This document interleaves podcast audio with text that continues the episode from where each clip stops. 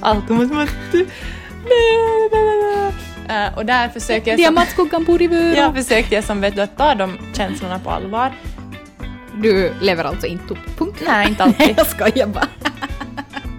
att jag, jag måste lära mig att jag kan inte jämföra mig med de föräldrarna som är väldigt olika med mig och som har andra saker som är viktiga. Och jag la så här jättehög musik i bilen och stanna bilen och var som bara så här att nu ska jag bara liksom känna allting som jag känner. Vissa dagar när man känner sig som, ja, inte den föräldern man kanske strävar efter att vara. Eller jag vet inte, kan man ens, kan man ens liksom sträva efter att vara en viss sorts förälder? Är man inte bara från dag till dag den föräldern man är just den dagen? Eller vad tänker du? Jag tror att, eh, vad heter det, jag vet inte om det är kanske någonting som man inte sådär medvetet tänker på, men jag tror att vi, vet du, omedvetet hela livet, vet du, samlar på oss, vet du, saker som vi tror att en bra förälder är, vet du. Att vi kanske inte ens är medvetna om, men vi har, jag tror nog att de flesta ändå har någon form av kanske omedveten bild att, som man jämför sig själv med. Eller det har jag ja. nog i alla fall alltid haft, utan att jag kanske har förstått det till att börja med. Jag tänker att det är typ först nu på senare år som jag har eh, landat i det där med att jag inte behöver vet du, jämföra mig med andra och jag behöver inte leva upp till någon annans norm på hur en vet du, bra förälder är. Utan mm. att jag har mer liksom skapat den här egna lägsta nivån och sen också den här nivån som jag eh, på något sätt försöker som hålla mig på. Vilket då innebär att jag har en egen, inte nu fysisk liksom, lista, utan mer som i, i huvud, i huvud på hur liksom, det här vill jag göra för att vara en bra förälder och det här vill jag undvika att göra för att om jag gör det här så känner jag mig som en sämre förälder, jag känner mig som en sämre mamma. Eh, när mina egna föräldrar gjorde det här, då kände jag de här känslorna som barn, därför vill jag undvika att upprepa det. Liksom sådana saker. Mm. Och jag sa ju när vi satt och pratade om det här just för en stund sedan att jag önskar att, alltså det vi ska prata idag om, så det är saker som jag på något sätt önskar att det inte skulle ha tagit åtta år för mig vet du, att komma till. Att vissa av de här sakerna kanske kom tidigare, men att jag på något sätt tror jag tänkte, nej men när jag blir mamma så då, då är man väl, vet du, då är jag väl bara den mamman som jag typ, jag vet inte. Men jag inser typ ju... den mamman som jag ska vara, ja, eller? Vet du, det kommer väl automatiskt naturligt, men jag inser ju nu att, vad är det nu, åtta år sedan jag typ blev gravid med första barnet, att du milde tid, vet du, som resa. Att det är först nu som jag börjar känna mig sådär, nej men trygg också som du sa i mig själv. Och jag på något ja. sätt, jag önskar, kanske det inte går, kanske vi alla har ju kanske lite olika resor också, olika som vet du, startpunkter, att jag vet inte, men jag önskar på något sätt att, att det inte ska behöva ta åtta år före jag sitter ja. här och känner mig vet du, trygg. Också att vi kan prata om saker i podden. Det är någonting jag aldrig skulle ha vågat prata om när jag fick mitt första barn, för jag var jätteosäker. Mm. Ja, och vi har ju ändå poddat nu i eh, alltså tre år, för vi hade ju först en annan podd tillsammans, men liksom två år nu då under Föräldrasnack. Eh, och också under Föräldrasnacks resa så har jag växt otroligt mycket som förälder och mm. vågar också visa mig mer sårbar och vågar också vet du, lyfta mina misslyckanden som förälder eller mina snedsteg utan att, på, utan att det måste betyda vet du, att jag liksom på något sätt är en dålig förälder. Uh, Nåja, men uh, den här dagen då när du, när man ibland känner sig vet du, som som en lite så här vet du, trött och sliten mor, sliten far, förälder. Då, eh, för åtta år sedan, så skulle det ha varit jävligt nice att ha den här listan som vi kommer att presentera för er idag. Mm, för ibland kan det faktiskt, jag tycker speciellt under mina första år så kändes det väldigt komplicerat, vet du. Att jag på något sätt tänkte att jag måste göra stor dåd på alla punkter i mitt föräldraskap för att vara en bra förälder. Men det behöver inte vara så svårt. Så att um, den här listan har vi ju tillsammans skrivit ihop, kanske lite med glimten i ögat, mm. men också som så här saker som vi eh, önskar att vi skulle ha då vetat redan för åtta år sedan. Så eh, när du har en lite sämre dag eller så här, kom ihåg den här listan. Det behöver inte vara så mycket svårare än så här.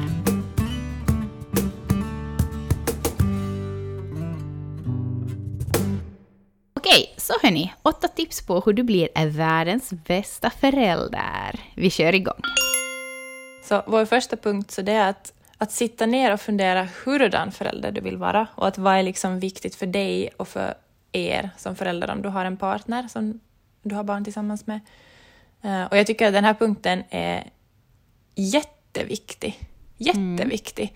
Mm. För att just på grund av att jag i alla fall upplever att jag jag tänker att de flesta av oss, jag, jag själv känner så, att jag på något sätt har vet du, snappat upp under hela mitt liv saker som förväntningar från samhället, från nära och kära, från också speciellt när jag har varit en så ganska perfektionist och alltid vill göra rätt, så har jag som haft skapa, byggt upp en bild av hur en bra förälder ska vara. Jag insåg, det här är, fast, det här är ganska som för några år sedan bara, Eh, när jag jobbade mycket med mig själv, så insåg jag att många av de här sakerna vet du, som jag har tänkt att jag måste vara för att vara en bra förälder, är saker som inte är saker som jag mår bra av själv, eller som jag vet du ens brinner för, eller som inte är, det är inte jag. Uh, ja, jag, när, när det här liksom uppenbarade sig för mig, så då var det som att jag såg på något sätt ett bord framför mig med en massa, vi kan säga fjädrar. Och den där, det där bordet var liksom fullt med olika slags fjädrar på bordet av hur jag och samhället och min mamma och mina kompisar och du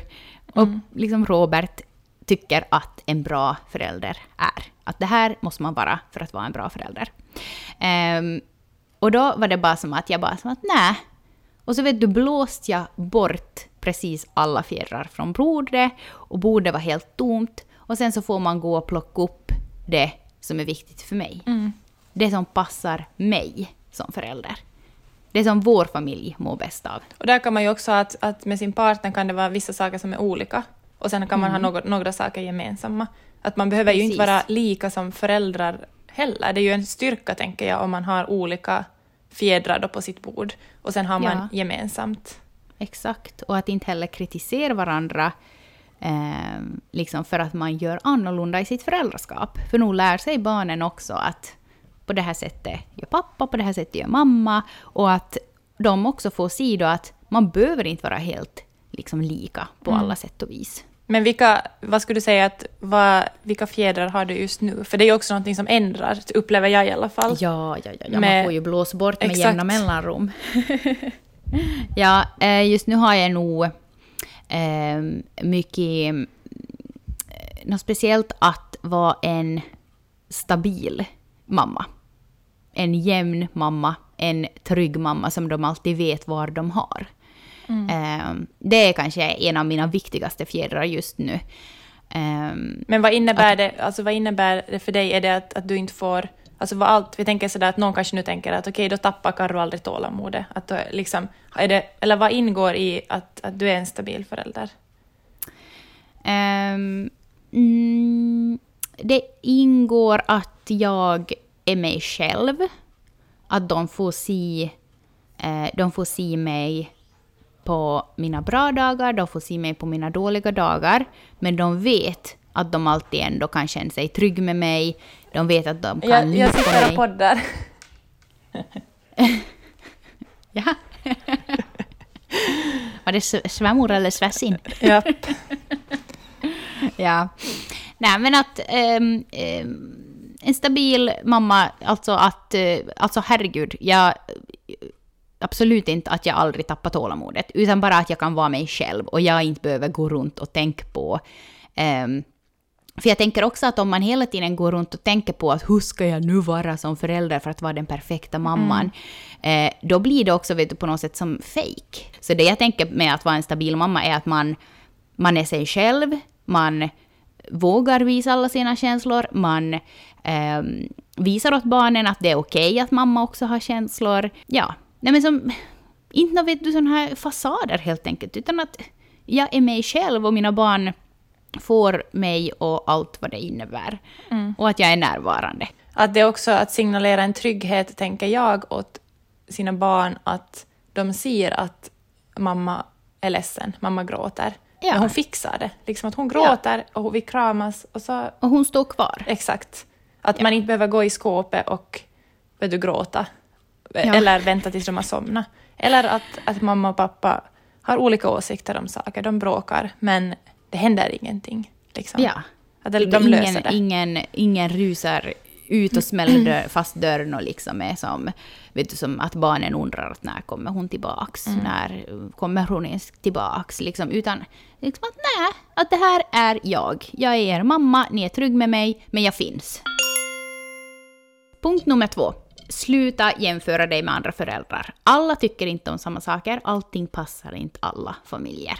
Det hänger ju lite ihop med punkt nummer ett, tänker jag. För att, att när jag satt och, och vet du, tittade lite att vilka fjädrar är viktigt för mig, för jag har varit en sån verkligen som har trott att vet du, jag måste ha alla. Jag måste ha alla delar för att Ja. vara en bra mamma.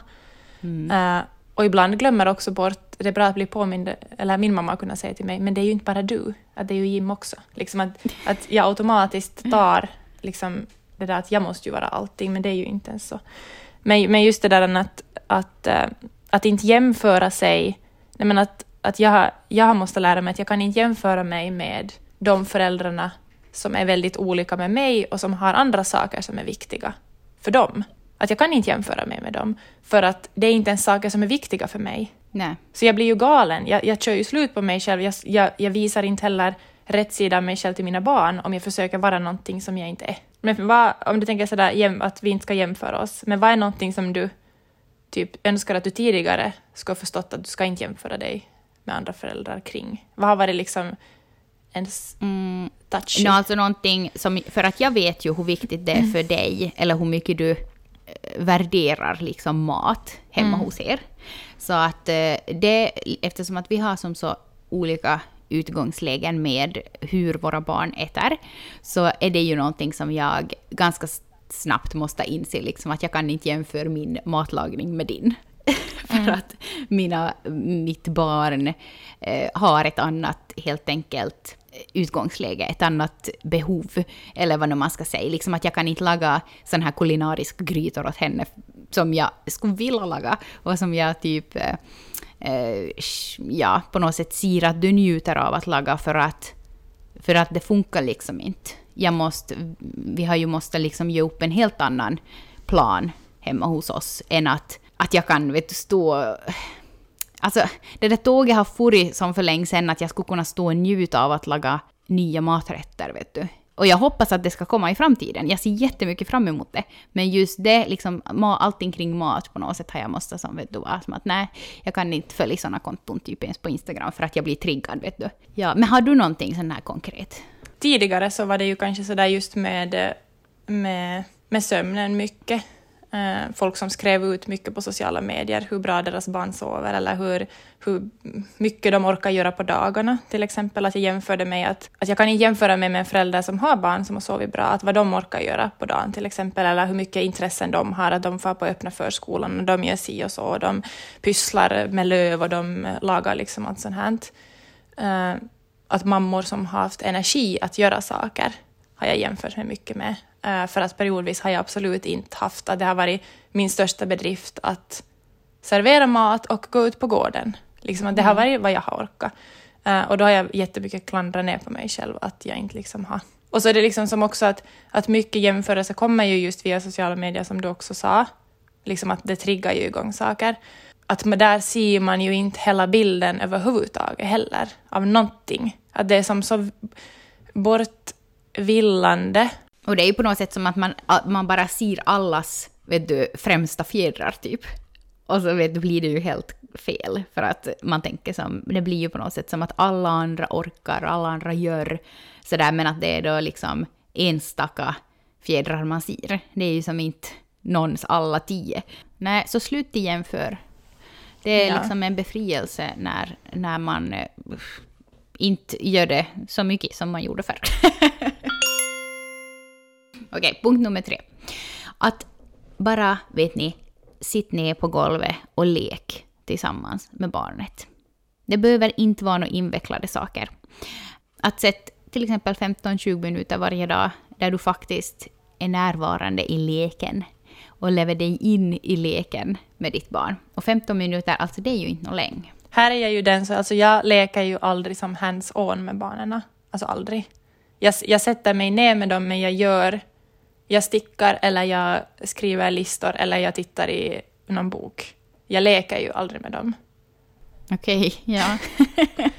Hur känns den här punkten Nej, nej, men jag, jag kan ju liksom... För jag ser att liksom, för mig är det inte...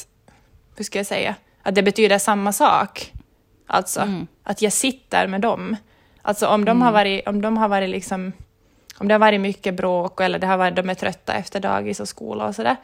Så de kommer in i sin lek om... Bara att jag tar fram vet du, Duplo-lego, Så om jag bara tar fram det och är i köket så blir det oftast inte alls samma, att de kommer in i sina processer och lekar och sådär. Men om jag sätter mig där med min kopp kaffe med dem, så då, då blir det på ett helt annat sätt. Jag vet inte, ja. Alltså, har du någon gång testat att ta en legogubb och fara liksom eh, gående med legogubben mot typ Valle och bara som att hej, vad heter du? Alltså, det här låter helt sjukt, men jag, jag har aldrig varit den mamman. Nej. jag är ju den mamman då. Jag älskar ju att låtsas vara olika figurer och så vet du så här när de då till exempel har en prinsess Duplo och jag då har typ en så här roskig gubbe Duplo. Så om den här prinsessan då gör någonting dumt åt min Duplo-gubb så då så klättrar jag upp med min Duplo-gubb på liksom Björns axel och bara som att ja, att din prinsessa då typ inte skvallrar åt Björn. Det är riktigt kul. ja, nej men alltså det är ju liksom jag vet inte, lek, leken för ett barn är ju så mycket mer än bara någonting som de gör. Vet du. Alltså genom lek så bygger man ju också eh, relationen och anknytningen.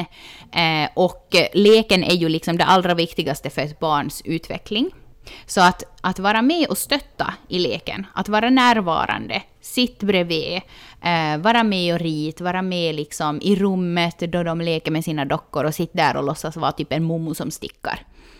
Det är ju jätte, jätte eh, viktigt. Plus att jag tänker också att eh, för mig som förälder så är det, har det alltid varit någonting som får mig att känna mig, inte på något sätt, vet du, för någon press utifrån. Men att det får mig på något sätt ändå till som känner mig som en bättre förälder. Får man säga så? Helt liksom i mig själv. Jag, och jag känner, jag känner att, att, att när jag är liksom, du, närvarande, att jag... Uh, alltså jag vet inte, för min approach kanske det är att min, min mamma var aldrig sån som lekte på det sättet. Jag har aldrig haft någon, någon föräldrar som har lekt med mig, utan jag vet inte. För mig har det aldrig liksom varit naturligt att jag ska vet du, leka någon rolllekare. Eller att jag, liksom, jag har ju såklart varit sådär att hej, att gå du koka? De har ju sån här leksakskök, att gå och koka kaffe, att jag beställer det här. Men, um, men inte liksom sådär vet du, aktivt, för att jag, jag har alltid tänkt att de ska få igång sin egen fantasi. Och de har alltid haft jättebra fantasi, sådär, prata för sig själv och liksom sådär. Men mer att min närvaro är den viktigaste. Så jag tänker sådär att, att om man tycker om att leka, så då ska man göra det. Men man behöver inte känna att man måste göra det. För jag kände flera år att jag borde vet du, ha lekt. För att alla är som att lek, lek, lek. Så ja, men sen när jag läste också saker kring att det är viktigt att man bara är där liksom, och sin närvaro, så var det en lättnad för mig. Att, att jag behöver inte vara någon som jag inte är heller. Ehm, punkt nummer fyra. Ta ditt barn på allvar. Det, här är ju, det kanske känns som en självklarhet, och är kanske en självklarhet för de flesta, men inte för alla. Mm. Nej.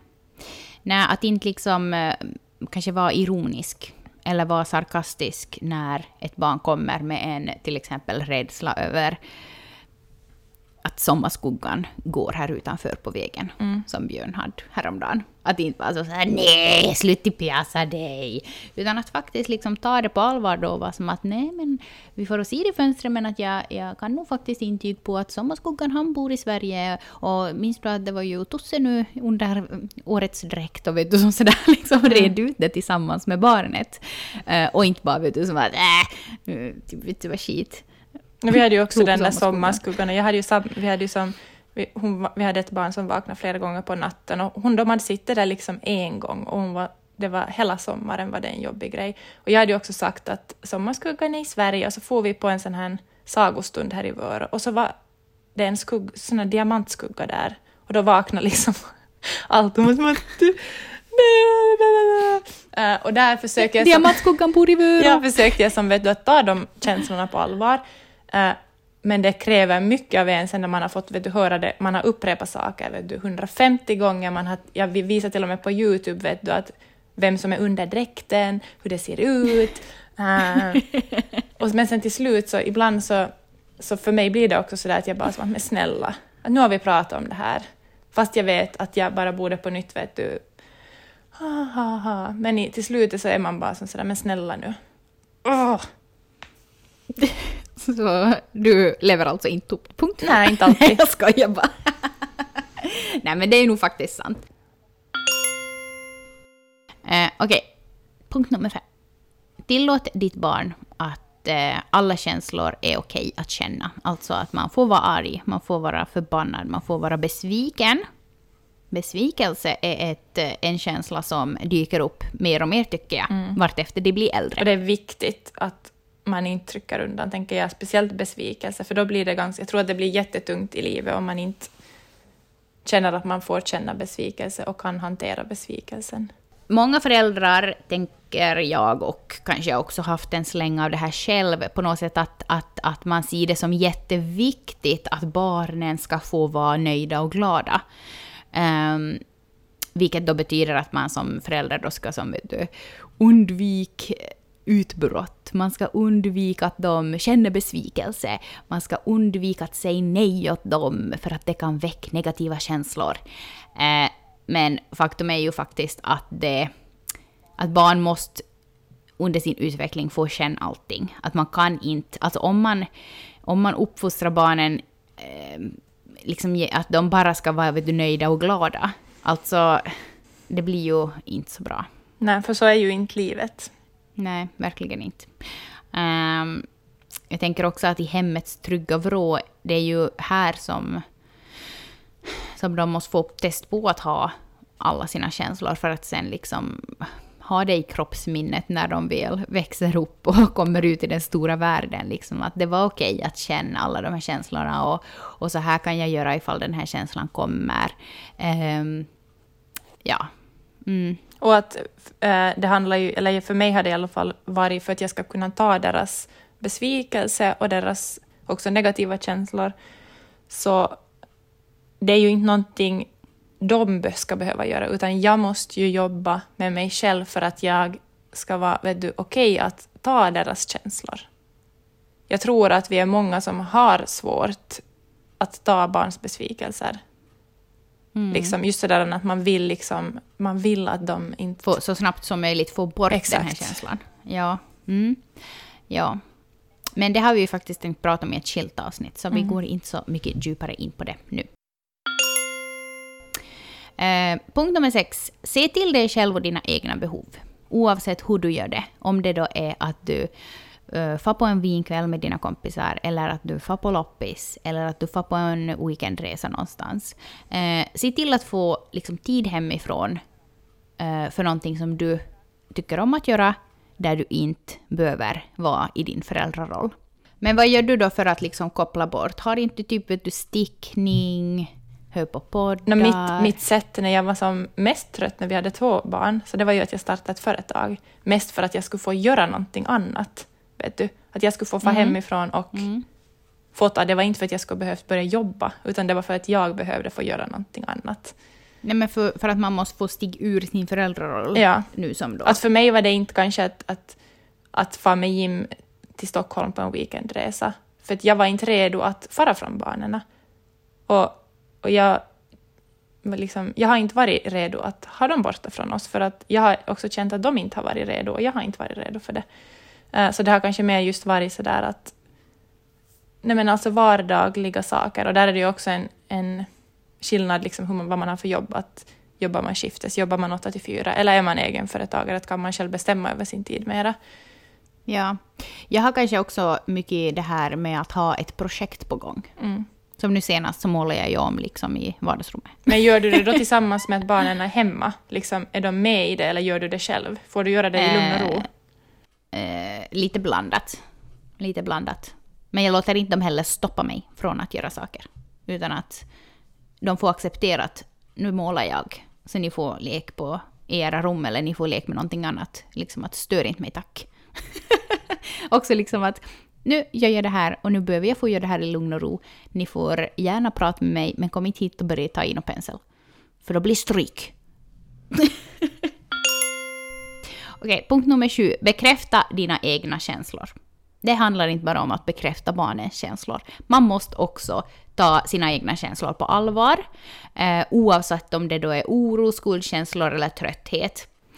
Eh, I lördags hade jag ju så här, alltså herregud, alltså jag var så jäkla trött efter en vecka med barn som har varit sjuka, som har varit hemma, som har haft extra mycket behov av Eh, olika saker och jag också själv har varit liksom trött i kroppen och i huvudet, men jag måste liksom bortse från mina egna behov för att barnens behov har gått först helt enkelt. Och Robert har jobbat jättemycket och alltså på lördag så ja, det brakar ju ihop i huvudet. Och eh, då, då liksom eh, sa jag ju då att nu måste jag ju som bara få hemifrån en stund. Och jag la så här jättehög musik i bilen och stanna bilen och var som bara så här att nu ska jag bara liksom känna allting som jag känner. Så det var som att man slog händerna i ratten, man bara så här skrek och jag bara vet du gråt jättemycket och bara som vet du som att fy fan för den här veckan. och vet du som att liksom bara vet du känn, känn allting. För att på något sätt lätt på trycket. Jag tänker att när man känner så här frustration i kroppen, vilket var det som jag kände i, i lördags, eh, det är ju på något sätt en, en indikation på att det är någon slags obalans. Att mm. jag inte har fått vet du, det jag har behövt, jag har inte fått tid för mig själv, jag har inte fått vil. Och jag tänker också att ibland, som du sa, att alltså, ibland är det bara så. Liksom att det hade mm. varit en sån vecka. Du skulle inte kunna mm. göra på ett annat sätt. Vet du, ibland måste man också acceptera, ibland blir man också sen vet du, hård mot sig själv att jag borde ha gett mig själv det här, jag borde ha gett det här, jag borde ha balans, jag borde ha balans, balans, balans. Man bara som att det går inte alltid. Nej, det går inte alltid. Men om vi då får liksom ut det här eh, i vår ensamhet, man får liksom, eh, eller som säg det åt en kompis, säg det åt sin partner och sådär, eh, och får bekräfta för sig själv och kanske att man då att det lättar ju som på trycket då och man får kanske då värme och omtanke av då sin partner eller sina kompisar eller sen att man eh, har den approachen till barnen liksom att man bara omfamnar dem och ibland bara vet du som får vet du, som gråter tillsammans med sitt barn. Inte som att mm. man lägger på något slags ansvar på barnet att du måste reda upp nu mammas känslor, jag är ledsen. Utan bara vet du som så här, uh, vet du som att oh, det är ibland vet du si och så att vara mamma. Um, så i alla fall för mig så är det som, det som hjälper när man lägger värme och omtanke till frustrationen. Att det på något sätt också ger en sån här... Ja, men som att axlarna vet du, släpps på något sätt. Mm. Och det tar ju oss in på den, den åttonde och sista punkten för idag som är kommunikation. Mm. För jag tänker att det också på något sätt lite överlappar att, att man på något sätt vet du, hittar sitt sätt just i den perioden i livet som man kan få du, lätta på trycket. Och att det i alla fall kan vara en väldig lättnad om du kan också kommunicera det här med partner eller med vänner som kan påminna dig också om att, att men nu ser jag att du mår så här, att kanske du skulle behöva göra det här. Kanske du skulle behöva fara vet du, på loppis, kanske du skulle behöva få springa, kanske du skulle... Kanske jag tar barnen och far och simma. Liksom. Ja, och fråga liksom att vad behöver du? Mm.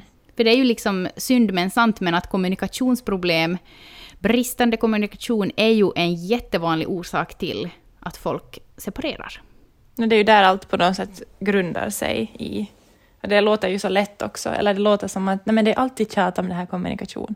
Ja, men det, det är ju fan svårt. Och, det, och också just det där när man har små barn, så det, det kanske inte, man kanske inte alltid orkar halv elva på kvällen börja prata om livets stora frågor. Eller man kanske inte orkar dra upp de jobbiga känslorna för man är skittrött. Liksom. Mm, mm. Men att vad finns det för sätt, liksom, i vilka stunder har man lätt att prata om känslor? Alltså det är kanske bra, eller inte behöver alltid vara känslor heller, men vet du sådär att man, man på något sätt jag vet inte, i något skede hade vi sagt att vi försökte hitta en stund att när, när får vi igång bra diskussioner? När, mm. när är det på dygnet?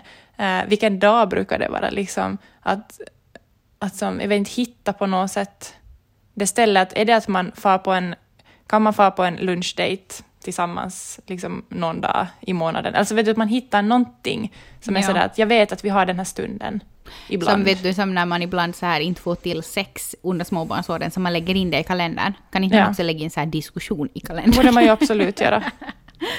Ja, absolut. Men hörni, eh, summa summarum, för att vara världens bästa förälder så måste du också se till dig själv, dina egna behov. Vad behöver jag för att kunna vara den förälder som just jag vill vara?